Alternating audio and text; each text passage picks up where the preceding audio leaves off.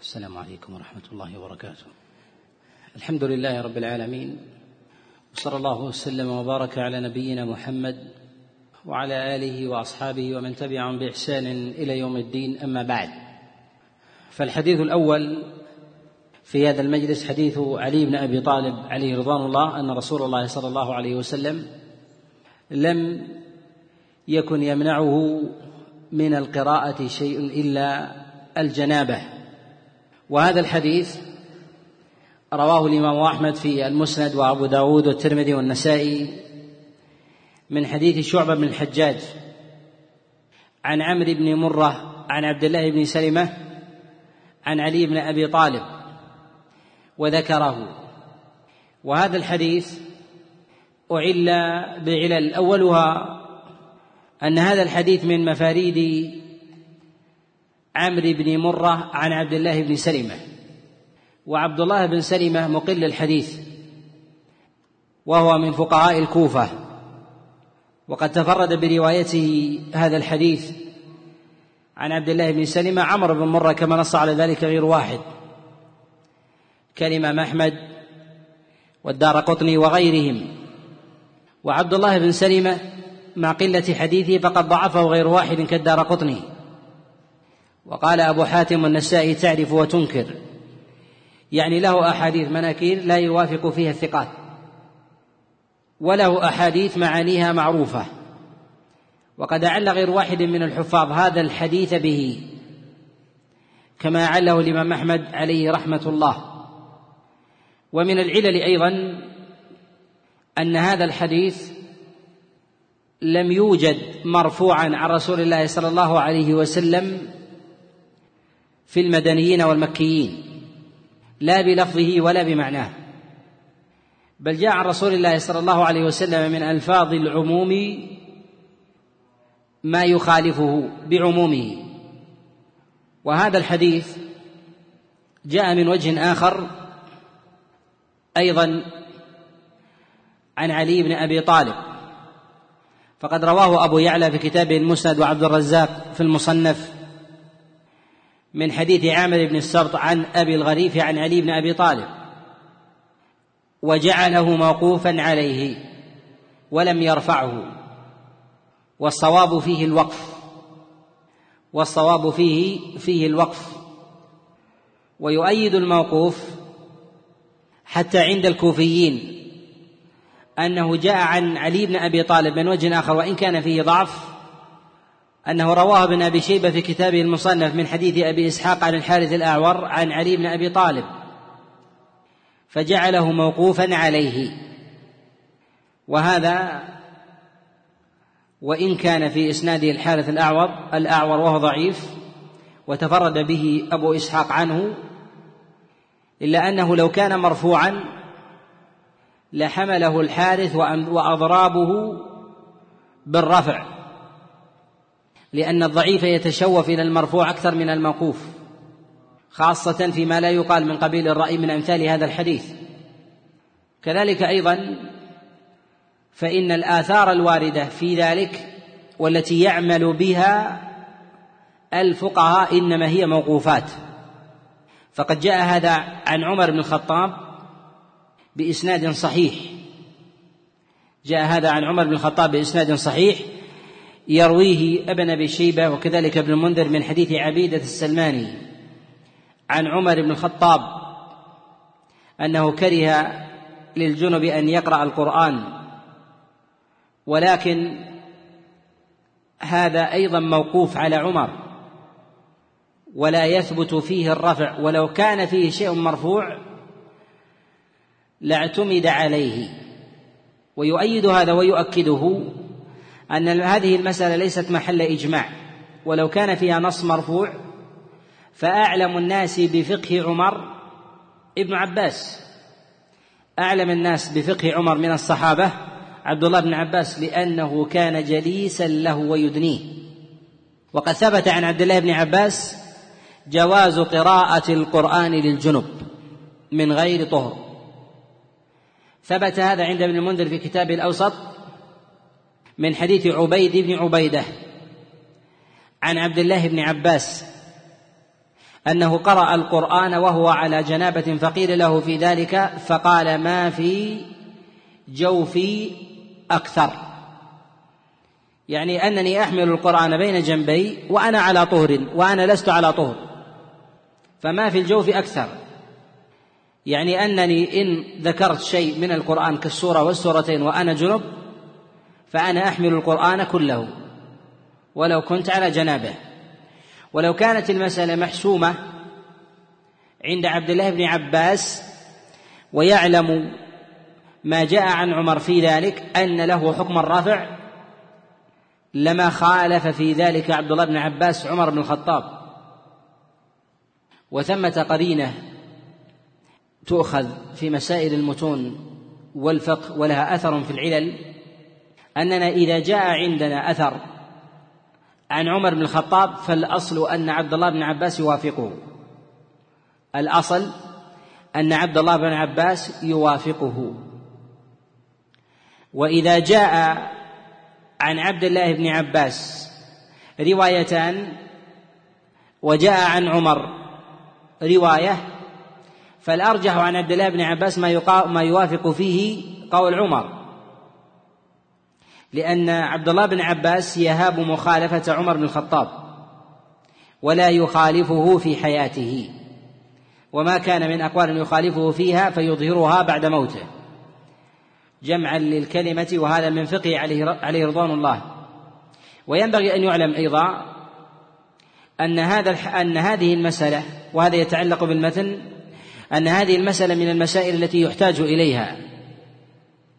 أن هذه المسألة من المسائل التي يحتاج إليها وهي قراءة القرآن الجنب وتعرض للإنسان ومثلها يسأل عنها وتطرأ للمتفقهة والمتعلمين كثيرا فلما لم يرد فيها عن رسول الله صلى الله عليه وسلم خبر دل على عدم وجود المرفوع في ذلك على سبيل الحسم وأما الفعل فهذا محتمل.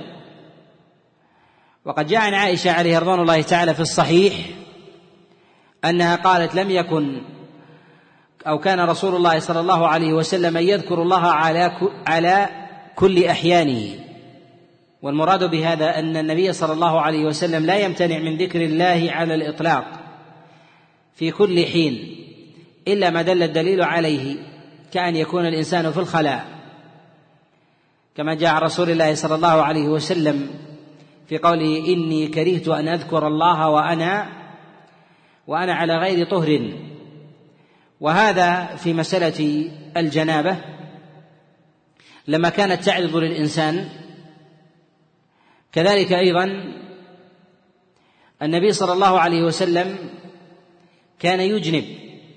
وهذا من علامات أيضا نكارة المتن أن النبي صلى الله عليه وسلم كان يجنب ويتوضأ وينام ولا يغتسل. ومعلوم أن المتوضئ إذا توضأ وهو جنب أن الوضوء لا يرفع الحدث أن الوضوء لا يرفع الحدث. ومعلوم أن النبي صلى الله عليه وسلم لا يدع ذكره عند نومه لا يدع الذكر عند النوم. ومن الذكر ما جاء رسول الله صلى الله عليه وسلم من قراءة المعوذات والنفث فيها وكذلك من قراءة آية الكرسي وهذه من القرآن. فلما جاء رسول الله صلى الله عليه وسلم ذلك وثبت عن النبي عليه الصلاة والسلام أنه ينام وهو جنب إذا توضأ. دل هذا على على نكارة هذا المتن بالإطلاق. نكارة هذا المتن بالإطلاق. وأما ما جاء عن عمر بن الخطاب عليه رضوان الله تعالى أنه كره قراءة الجنوب للقرآن وقول بعض الفقهاء والمحدثين في ذلك إن الكراهة عند الصحابة يراد بها التحريم. يراد بها التحريم. هذا في الأغلب ولكنه ليس على الاضطراد. هذا للأغلب ولكنه ليس على الاضطراد.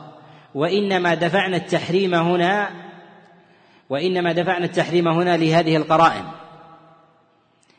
وكذلك أيضا لما جاء عن عبد الله بن عباس قد يقول قائل إن عمر بن الخطاب يقول بالتحريم وعبد الله بن عباس يقول بالجواز. نقول أوفق الوجوه في ذلك أن تجمع هذه على وجه يتتقارب فيه أقوال الفقهاء من الصحابة كعمر وعبد الله بن عباس. فعبد الله بن عباس لم يخالف نظيرا له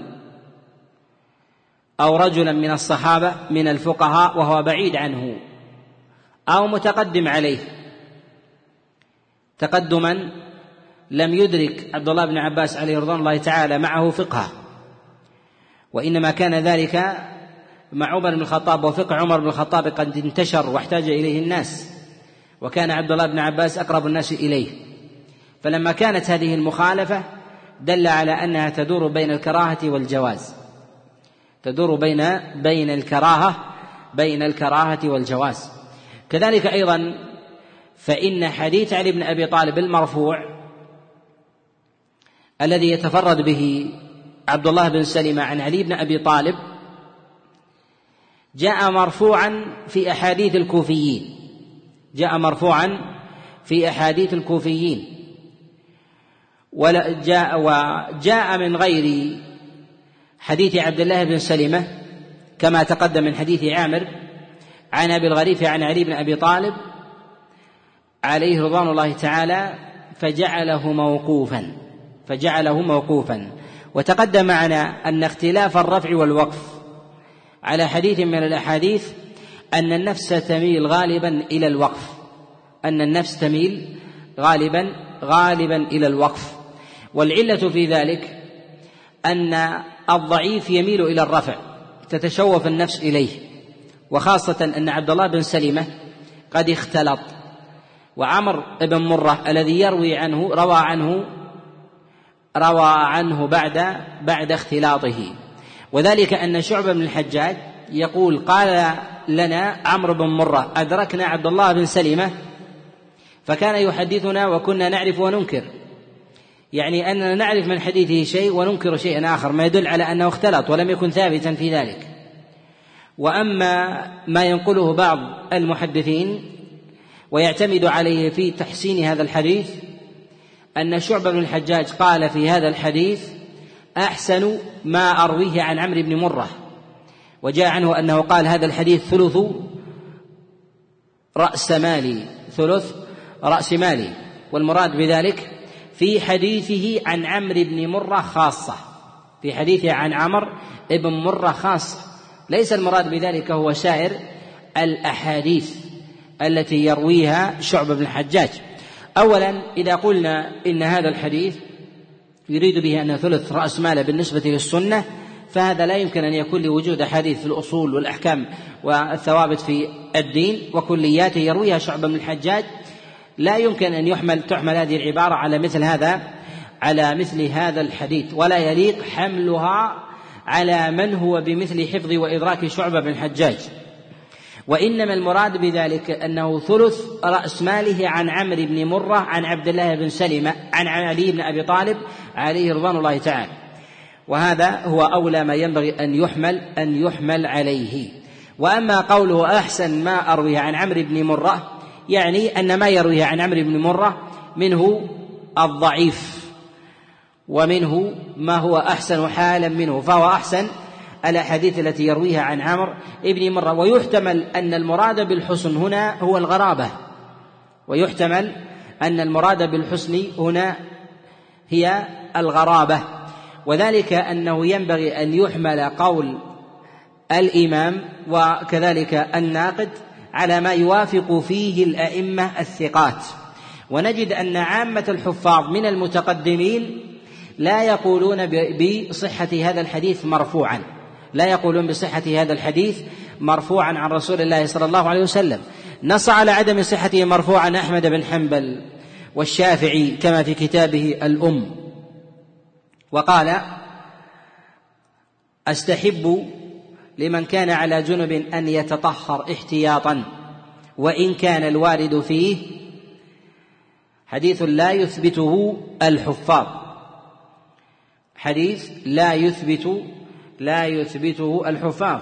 والمراد بهذا أن الشافعي عليه رحمة الله إنما عمل بهذا الحديث عمل بهذا الحديث على الاحتياط. لا عمل به لكونه حجة. وتقدم معنا أن العلماء في أبواب الحديث الضعيف لا يعملون في الأحكام إلا إلا في أبواب الاحتياط. ومعنى أبواب الاحتياط يعني أن الوجود أفضل والعدم فيه خلاف. أن الوجود أفضل بالاتفاق والعدم فيه فيه خلاف. معنى الوجود أفضل. يعني الإنسان إذا كان جنوب وأراد أن يقرأ القرآن لدينا حالتان. الحالة الأولى أن يتوضأ ويقرأ. الحالة الثانية ألا يتوضأ ويقرأ. الاحتياط في ذلك أن يتوضأ ويقرأ فوجود الوضوء هو محل اتفاق عندهم أنه أتم وأكمل وأصح. وقراءة القرآن صحيحة بالاتفاق. فيرون هذا هو الاحتياط. وعدم الاحتياط هو ما كان من مواضع ما كان من مواضع الخلاف.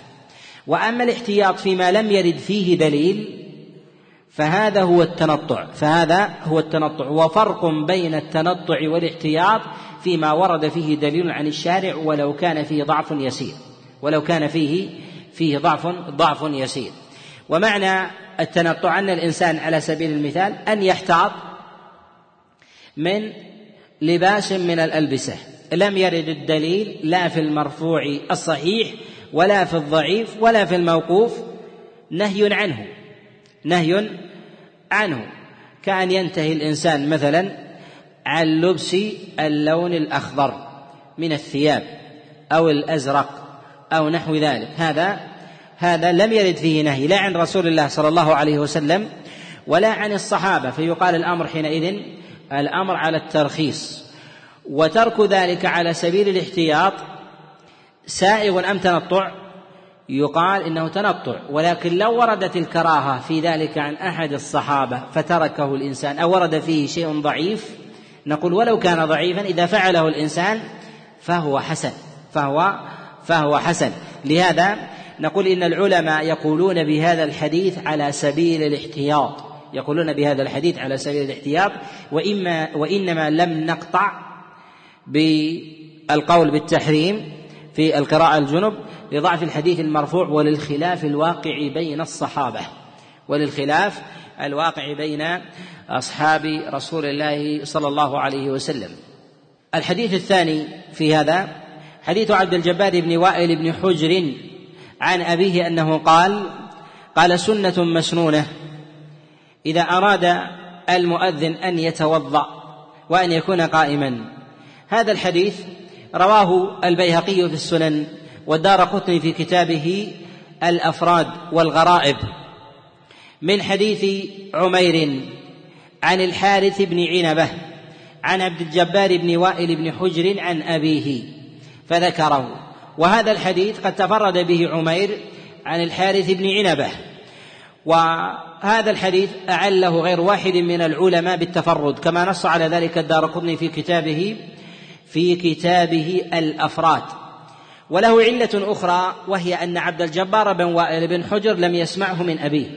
أن عبد الجبار بن وائل بن حجر لم يسمعه من أبيه. ووجه الاعلال بالتفرد أن عمير في روايته عن الحارث بن عنبة الحارث بن عنبة في روايته لهذا الحديث تفرد وهو كوفي. تفرد وهو كوفي عن عبد الجبار بن وائل بن حجر عن أبيه. ومثل هذا مما يحتاج إليه مما يحتاج إليه ويشتهر. فالأذان كان في المدينة سنين. كان الأذان في المدينة سنين قبل أن يصل الأذان إلى الكوفة. فلماذا لم يرد الحكم إلا؟ الحكم مرفوعا إلى رسول الله صلى الله عليه وسلم إلا بأحاديث الكوفيين فهذا من أمارات النكارة. ولهذا أعله غير واحد من النقاد بهذه النكارة كالدار قطني والبيهقي وغيرهما. والعلة الأخرى وهي الانقطاع في ذلك كما نص على ذلك جماعة من الحفاظ كيحيى بن معين وأبي حاتم وغيرهم وهو محل اتفاق. وقد نص النووي على أن عبد الجبار بن وائل بن حجر لم يسمع من أبيه بالاتفاق. لم يسمع من أبيه بالاتفاق. وإنما رأى أباه يصلي. رأى أباه وهذا ما أدركه من من أبيه كما جاء في صحيح الإمام مسلم. وإدراك الفعل شيء وإدراك وإدراك الأقوال شيء آخر. إدراك الفعل شيء وإدراك الأقوال شيء آخر. وأما بالنسبة لرواية عبد الجبار بن وائل بن حجر عن أبيه مع كونها منقطعة هل تغتفر باعتبار أن ثمة قرينة تدفع هذا الانقطاع؟ وهو أن عبد الجبار بن حجر بن وائل بن حجر يروي عن بيت عن أهل بيت أبيه. الرجل إذا أراد أن يروي عن أبيه يذهب إلى ماذا؟ يذهب الجيران أم يذهب إلى أمه وإلى أخيه الأكبر أو نحو ذلك؟ فأهل البيت إذا ضبطوا وعرفوا وأحصوا وكانوا من الثقات اغتفر الانقطاع. ولكن لو كانت علة الانقطاع فقط هي العلة في هذا الحديث لأمكن الرد ولكن التفرد أشد ولكن التفرد أشد. والعلماء إنما يشيرون إلى الانقطاع في بعض الأحاديث أحيانا ويكون هذا الانقطاع فيه نوع اغتفار ذلك لوضوح العلة لوضوح العلة. والعلماء يلحقون الإعلال بأقوى علة وأوضحها. إذا كانت الأقوى مضمرة. قادح ولو كانت قادحة. لهذا تجد هذا الحديث عند الحفاظ الذين يريدون أن ينقذوه له مسلكين له مسلكان. المسلك الأول عند المتقدمين يعلونه بالتفرد لأنهم يرون التفرد لديهم ظاهر لأنهم أهل حفظ وأهل رواية. عند المتأخرين يعلونه بالانقطاع ويظهر إعلالهم بالانقطاع وهذا لا يعني انعدام إعلال الانقطاع عند المتقدمين ولكن إشارات يسيرة. والأصل فيه أنهم يشيرون إلى إلى التفرد. ويشتهر الإعلال بالانقطاع عند عند المتأخرين أكثر من الإعلال بالتفرد. لماذا؟ لأن الانقطاع أظهر أظهر من جهة البيان والوضوح. لهذا نقول إن أقوى العلل في هذا الحديث هي التفرد. في رواية تفرد عمير ابن عنبة. وهو كوفي وقد تفرد بهذا الحديث عند عبد الجبار بن وائل بن حجر. وهذا الحديث من جهة العمل به يقال إن السنة أن يتوضأ ولكن ليس على سبيل الوجوب ليس على سبيل الوجوب وهذا يحتج به بعض الفقهاء ويقولون بوجوب الوضوء للمؤذن ومن أذن بلا وضوء فقد بطل أذانه فقد بطل بطل أذانه وهذا قول وهذا قول مرجوح. وعمدته وعمدته أيضا قول مرجوح. وأيضا من العلل في هذا الحديث أنه ذكر القيام أنه ذكر القيام في الأذان. وقد جاء عن بعض أصحاب رسول الله صلى الله عليه وسلم أنه أذن وهو قاعد. أنه أذن أذن وهو قاعد. وقد ترجم البخاري عليه رحمة الله على ذلك في كتابه الصحيح. ولو كان لا يؤذن إلا من يستطيع القيام لما فعلوا ذلك لأن الأذان يشهد. الأذان يشهد. ويراه الناس. الناس يؤذنون في الصدر الأول على سطوح المساجد والدور. ويقيمون على سطوح المساجد والدور. لا يقيمون داخل المساجد. لا يقيمون داخل المساجد. وبهذا ندرك أيضا فائدة أن المؤذن لا مكان له معلوم في المسجد عندهم بخلاف المتأخرين. يضعون مكان المؤذن أنه يكون خلف الإمام وليس كذلك. نعم؟ أمر آخر. لكن ليس له مكان معروف. ولهذا بلال يقول للنبي عليه الصلاة والسلام لا تسبقني بآمين. يعني أنه يقيم في فوق سطح المسجد ثم ينزل. فإذا انتهى الأذان كبر وهو ينزل في العتبات أو في السلم. ثم فإذا الناس قد صفوا. وين يكون المؤذن؟ يكون في آخر الطرف في آخر في آخر الصف. لهذا نجد مسألة من المسائل يبحثها الفقهاء المتقدمون وهي هل يجوز للإمام أن يكبر تكبيرة الإحرام قبل أن ينتهي المقيم من إقامته أم لا؟ لماذا؟ لأنهم يقولون إن الإمام داخل المسجد في الغالب أنه لا يسمع. يكون المساجد أبواب والرجل في الأعلى الذي يسمعه في الخارج. لا يدري هل انتهى المقيم أم لم ينتهي. فإن كبر قبل هل تصح صلاته أم لا. وهذه المسألة ظاهرة ومعلومة أن الإقامة تكون على الأعلى. ولهذا من يستحب من بعض العامة أن الإقامة تكون في داخل المسجد وتغلق الميكروفونات هذا من البدع. هذا من البدع. بل يقال ينبغي أن تفتح الميكروفونات ليسمع الخارج أو يخرج المؤذن عند موضع الميكروفون لي ليبلغ الناس ليبلغ الناس. لهذا نعلم إن المؤذن إذا أراد أن يوطن له مكانا خاصا خلف الإمام يستحقه في الصف نقول هذا فيه نظر هذا فيه نظر. وهو قد نال بأذانه الأجر بحضور هؤلاء الجماعات حتى من بكر ينال إن شاء الله إن احتسب أجر الجميع الجميع في ذلك. ولا يشدد في مسألة المكان سواء كان خلف الإمام أو عن يمينه أو عن يساره. الحديث الثالث في هذا. نعم. كيف؟ أي يكون في في مكان آخر. المسألة سهلة. المسألة المسألة سهلة. يعني بعض الناس يظن أن المؤذن والإمام وجودهما متلازم. إذا وجد المؤذن فوجد الإمام وإلا بعضهم يكون خلف الإمام مباشر لا يكون.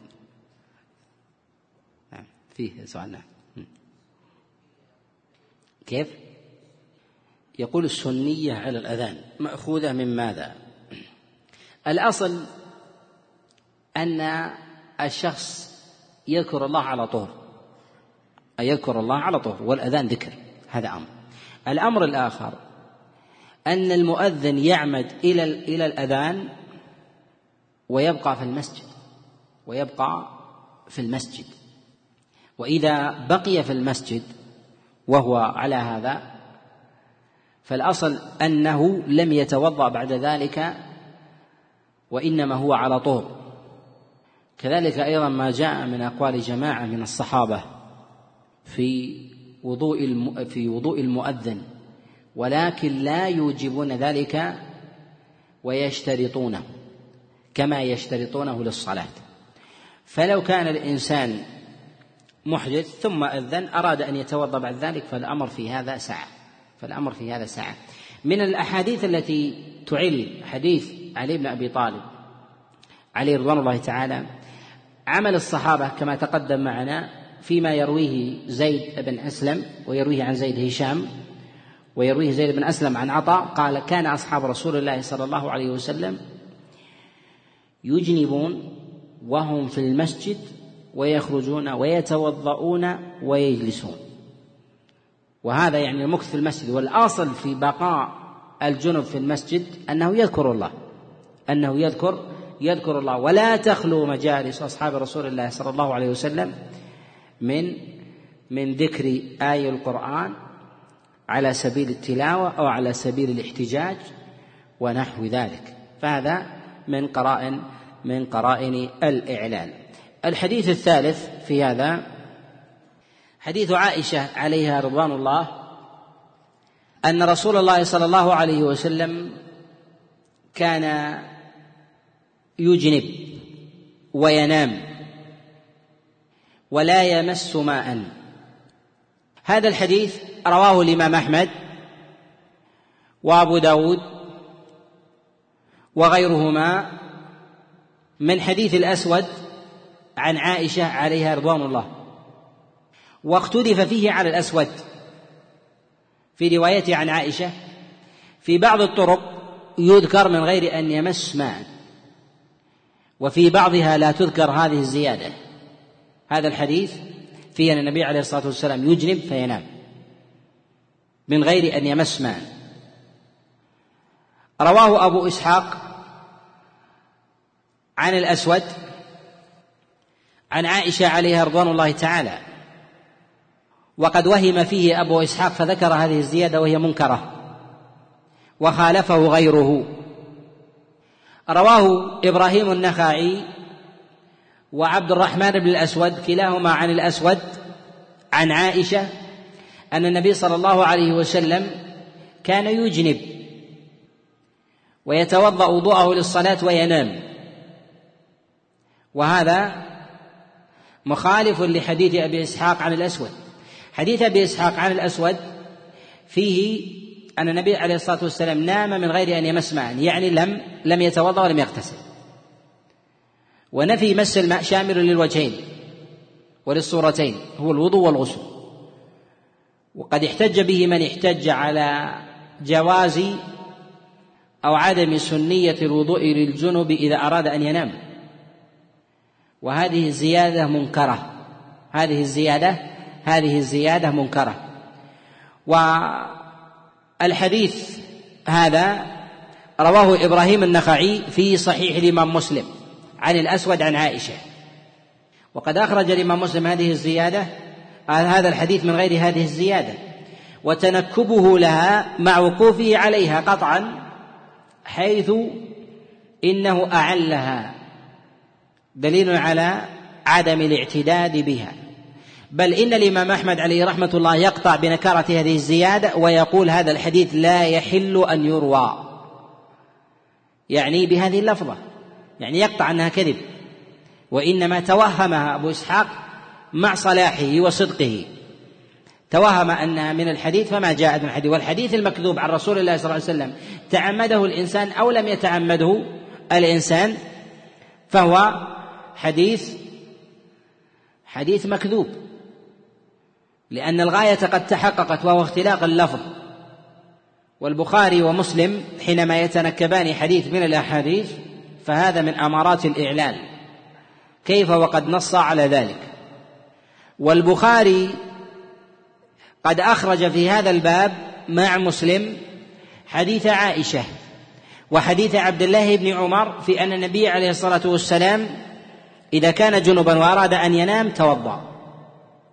وأشرنا إلى أن الحديث إذا كان في الصحيحين أو لم يكن في الصحيحين ويتضمن حكما أخرج البخاري ومسلم خلاف تلك الزيادة التي خارج الصحيح والحديث في الصحيح أو كانت هذه هذا الحديث بكامله ليس في الصحيحين أو في أحدهما فهذا كالإعلال. فهذا كالإعلال. وهذا من القرائن التي يؤخذ منها معرفة الأحاديث المعلى على نهج الشيخين. الحديث إذا أراد طالب العلم أن يبحث مسألة من المسائل وأن ينظر في حكم من الأحكام فلينظر إلى أحاديث الصحيحين وما هي الدلالات فيها في مسألة من المسائل. ثم ينظر في الأحاديث في خارج الصحيحين. المسألة التي تكون خارج الصحيحين وليست في الصحيحين في أي حديث من الأحاديث هذه خارجة عن حكمنا. خارجة عن حكمنا. والمسألة الواردة في الصحيحين فجاء الدليل مخالف للأحاديث الأخرى فالأحاديث الأخرى معلولة في الأغلب عند صاحبي الصحيح. الأحاديث الأخرى معلولة عند عند صاحبي الصحيح. والأكثر الذي يشكل على طلاب العلم أن الحديث لم يرد في الصحيحين وسكت عن إخراج المسألة بكاملها أصحاب الصحيحين مثل الوضوء مثلا من مس الذكر هذا في أحاديث. لم يخرج البخاري ومسلم شيئا في ذلك. شيئا في هذا. فهذا أمره آخر ولا علاقة له في في بابنا. إلا أننا نستفيد منه أن شرط هذا الحديث مع الحاجة إليه هو دون شرط البخاري ومسلم. يعني فيه فيه قصور. ولكن قد يكون من مما يحتج به أو أو أو مما مما لا يحتج مما لا يحتج به. أما هذه الزيادة التي في هذا الحديث فقد أخرج البخاري ومسلم أحاديث تخالفها وحديث عائشة عليه رضوان الله تعالى النبي عليه الصلاة والسلام يقول جربا فيتوضأ ثم ينام. كذلك أيضا في حديث عبد الله بن عمر عليه رضوان الله. كذلك أيضا في هذا الحديث وهو حديث عائشة من وجوه نكارته. ما تقدم معنا مرارا أن الحديث إذا خالف الراوي أن الحديث إذا خالف الراوي حديثه المرفوع فإن هذا من أمارات الإعلان. ثبت عن عائشة عليها رضوان الله تعالى أنها سئلت كما جاء عند ابن أبي شيبة في المصنف من حديث هشام بن عروة عن أبيه أن عائشة سئلت عن الجنب يريد أن ينام. قالت نعم إذا توضأ. إذا إذا توضأ. وهذا الحديث حديث عائشة بزيادة بزيادة أبي إسحاق عن الأسود عن عائشة فيه من دون أن يمس ماء. فإذا كان النبي عليه الصلاة والسلام نام من غير أن يمس ماء وهو جنب فلماذا تقول عائشة نعم إذا توضأ؟ فإذا خالف المرفوع الموقوف فهذا من أمارات من أمارات إعلال المرفوع خاصة إذا اجتمعت قرينة في ذلك وهي المخالفة. هي مخالفة أبو إسحاق مخالفة أبي إسحاق لمن هو أوثق منه وأكثر كإبراهيم النخعي وكذلك عبد الرحمن بن الأسود في روايته عن أبي كلاهما عن, عن الأسود عن عائشة عليها رضوان الله. وهذا الحديث أعني حديث عائشة لو جاء من حديث أبي إسحاق عن الأسود عن عائشة من غير مخالفة إبراهيم وعبد الرحمن وجاء الموقوف عن عائشة لكان كافي في إعلاله لكان كافي في إعلاله. فكيف إذا احتفت في ذلك قرينة وهي مخالفة أبي إسحاق لإبراهيم وعبد الرحمن بن الأسود كلاهما عن الأسود عن عائشة عن رسول الله صلى الله عليه وسلم. هذا ظاهر أم لا؟ ظاهر. كذلك أيضا من قرائن الإعلال أن هذا الحديث مروي عن عائشة وروت عائشة ما يخالف هذا الحديث عن رسول الله صلى الله عليه وسلم. فقد جاء الحديث في الصحيحين وغيرهما من حديث عروة وأبي سلمة عن عائشة عليه رضوان الله تعالى النبي عليه الصلاة والسلام يتوضأ. يتوضأ إذا أراد أن ينام وهو وهو جنب. وهذا من أمارات أيضا من أمارات النكارة في النكارة في الحديث. وكذلك أيضا لا نستطيع أن نقول إن حديث الأسود متقدم. أن حديث الأسود متقدم وأنه نسخ وأن الأحاديث الأخرى متأخرة وذلك لأمور. منها أن حديث الأسود قد اختلف فيه على الوجهين ولو كان من طريق واحد لأمكن أن يقال هذا. الأمر الآخر أن الأسود مع تقدمه إلا أن الرواية الخاصة عن عائشة كعروة أدق وأضبط. في مثل هذه الأحوال وهو أولى أن يروي الصحيح عن رسول الله صلى الله عليه وسلم في ذلك. الحديث الرابع حديث عائشة عليها رضوان الله أن رسول الله صلى الله عليه وسلم كان إذا إذا كان إذا كان جنبا وأراد أن ينام أو يأكل توضأ. هذا الحديث أخرجه مسلم في الصحيح. أخرجه مسلم في الصحيح. من حديث الحكم عن إبراهيم النخعي عن الأسود عن عائشة. واختلف فيه على إبراهيم النخعي فرواه منصور. عن إبراهيم النخعي عن الأسود عن عائشة ولم يذكر الأكل فيه. تقدم معنا إلى أن مسألة الوضوء للجنب إذا أراد أن ينام مسألة مفروغ منها. لكن الأكل أن الجنب إذا أراد أن يأكل توضأ. إذا أراد أن يأكل توضأ. هذه الزيادة هي موضع الإشكال في صحيح الإمام مسلم. والصواب فيها أنها منكرة. أنها زيادة زيادة منكرة. وذلك لأمور. أولها أن الحكم قد تفرد بها عن إبراهيم النخعي وخالفه من هو أوثق منه في إبراهيم وهو منصور. وهو أوثق أو من أوثق أصحاب إبراهيم النخعي. كما نص على ذلك غير واحد من الأئمة كالإمام أحمد وغيره. القرينة الثانية أن هذا الحديث يرويه شعبة بن الحجاج عن الحكم عن إبراهيم عن الأسود عن عائشة وشعبة بن الحجاج هو راوي الخبر قد ترك هذه اللفظة وأنكرها. نقله الإمام أحمد عن شعبة بن الحجاج. نقل الإمام أحمد عن يحيى بن سعيد القطان عن شعبة بن الحجاج. أنه ترك حديث الحكم. أن النبي عليه الصلاة والسلام إذا كان جنبا وأراد أن يأكل توضأ. وأعلم الرواة بحديثه أعلم الرواة بالحديث الراوي له. وذلك أن شعبة بن الحجاج يعرف حديث الحكم فيما وافق فيه أو لم يوافق فيه.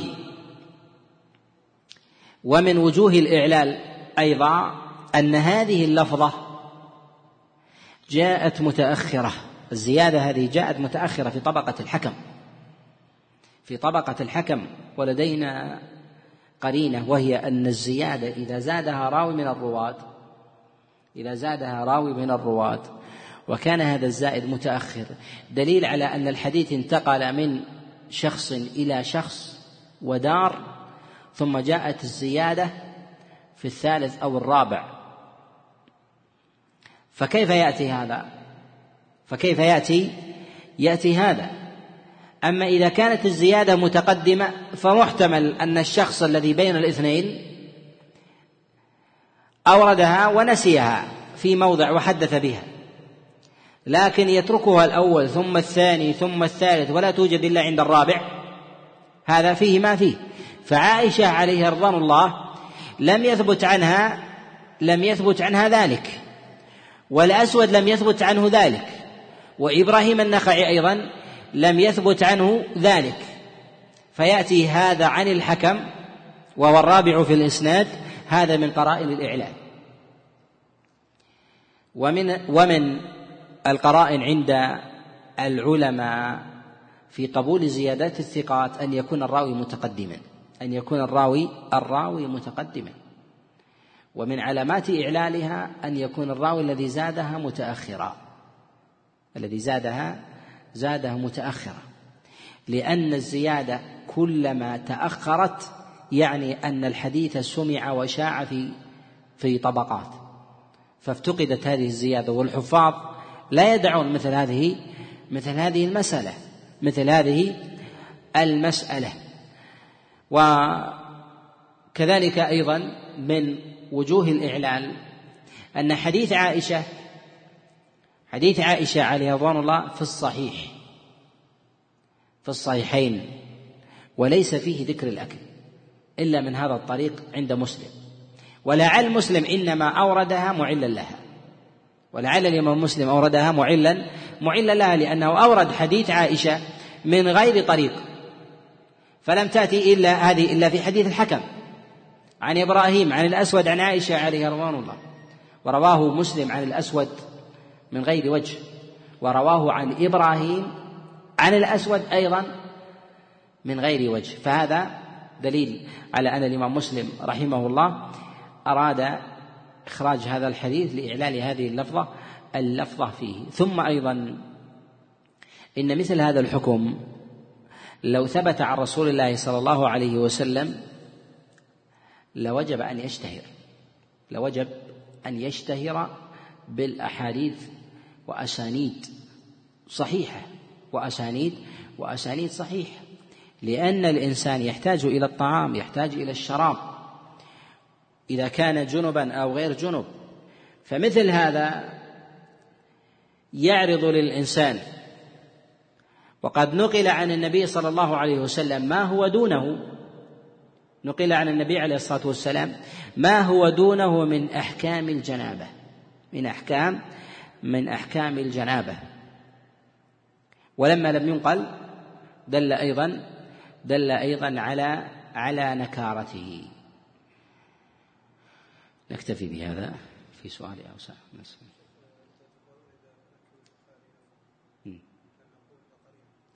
إذا تنكب الحديث بالكامل؟ يقول إذا تنكب البخاري حديثا بالكامل هل هذا إعلان؟ إعلان. إذا تنكب البخاري حديث وجاء بما يخالفه فهذا كالإعلان. شبيه بالنص شبيه بالنص. نعم. النوم؟ للنوم؟ لا يقول ترك الوضوء للجنب إذا أراد أن ينام هل هو محرم؟ لا نقول يستحب. يستحب لأن المحكي في ذلك الفعل. المحكي في ذلك الفعل الأمر. ومن القرائن أيضا أن الوضوء الذي يقال باستهبابه لا يرفع الحدث الأكبر. لا يرفع الحدث الأكبر وإنما يخففه. نعم. يقول ما الفرق بين التنطع والتورع؟ تقدم معنا الكلام على أن الورع هو أن يدع الإنسان ما لا بأس به خشية الوقوع فيما به بأس. يعني أن يكون ما به بأس متقارب مع ما لا بأس به وهي المشتبهات عند العلماء. التي قال فيها النبي عليه الصلاة والسلام في حديث النعمان بن بشير الحلال بين والحرام بين وبينهما أمور مشتبهات. هذه الأمور المشتبهات مسائل الخلاف عند العلماء. كذلك أيضا ما حاك في النفس فيها النفس السليمة الصحيحة يعني فطرتها صحيحة وليست النفس التي مثلا كثيرة القلق أو كثيرة الخوف أو نحو ذلك هذه ليست ليست عبرة بالترك أو الإقدام. وهذا هو المراد بمسألة أن الإنسان يتورع عن مواضع الشبهات مواضع الخلاف أو ما كان أصله التحريم ولم يثبت لديه في هذه القضية العينية نهي. نقول الأصل أن يبقى على أصله أن الأصل يبقى على أصل. أما بالنسبة للتنطع ما ثبت للإنسان الحلم وعدم إفضائه إلى محرم ولكنه أراد الترك أو أراد الفعل لمقاصد أخرى إما أن يقوي النفس أو يمنعها أو نحو ذلك أو مثلا يريد الاستزادة في باب مقترن في هذا من أبواب العبادة فنقول هذا هذا من أمور من أمور التنطع. وهذا كما جاء عن الصحابة عن بعض الصحابة في هذا حينما أرادوا بحسن قصد أن يقوموا الليل ولا يناموا. وأن يصوموا النهار ولا يفتروا ألا يأكلوا اللحم ولا يتزوجوا النساء هذه من أمور مباحات لكن أرادوا بذلك أرادوا القسوة والشدة في هذا ولكن هذه أمور هذه أمور داخلة في أمور التشدد والتنطع ولقد نهى النبي صلى الله عليه وسلم عنها نعم. يقول هل يذكر الإمام مسلم نصا في كتابه الصحيح ويكون منكر لإبرازه؟ هكذا؟ الإمام مسلم في كتابه الصحيح يورد الحديث من جهة الأصل وهو على شرطه لكن قد يورد تبعا له ما يخالفه في بعض الوجوه إما في الإسناد أو في المتن ويريد بذلك بيان الإعلال. يريد بذلك بيان بيان الإعلال. والعلماء لهم مسالك في بيان الشيء الصحيح والقوي. إما أن يبين بذاته ويكتفي وإما أن يبينه ويبين الضعيف والواهي معه لأن الضعف لا يتضح إلا مع بيان القوة. كذلك أيضا القوة لا تتضح إلا مع بيان بيان الضعف. حينما تريد مثلا أن تبين بياض شيء وسطوعة تقارنه بشيء أسود حتى يتضح للناس إذا أردت أن تقارن ثوب نظيف حتى يستوعب الإنسان قدر النظافة فيه تجعله مع ثوب متسخ يرى الإنسان هذا الأمر. لهذا العلماء أحيانا يريدون أسانيد قوية وأسانيد دونها حتى يروا أن هذا الحديث هو أحسن شيء في هذا في هذا الباب وذلك بدلالة بدلالة الاقتران. وهذا في الأغلب في مسلم في الألفاظ. لا في أحاديث برمتها يرد حديث برمته ويكون منكر لا. لكن بألفاظ معينة و أو حروف لها أثر في الفقه. نعم. يقول أشكل عليه ما ذكرناه في الدرس الماضي ما تعم به البلوى. ولم يشتهر. وبين ما كان عليه العمل ولم تشتهر فيه الأحاديث هذا هو يقول الفرق بينهما. نقول الفرق بينهما العمل عمل الناس. إذا استفاض عمل الناس ولم يخالف في ذلك أحد ضعف إيراد الحديث. ولا لا؟ مثال من يعطينا مثال حسي حتى يتضح هذا الأمر؟ نعم. نريد مثال مثال حسي. الشيء إذا استفاض عمل لدى الناس ولم يخالفوا نعم ما يسألون مثل إغلاق المحلات لدى الصلاة اشتهر في البلد. اشتهر في البلد.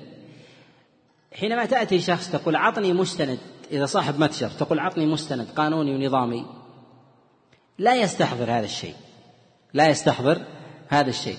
لكنها تجد أنه يستحضر جزئيات يسيرة هي محل خلاف يستحضرها غالب الناس ويستحضرون القانونية فيها لعدم الاستفاضة والخلاف فيها. واضح؟ نعم.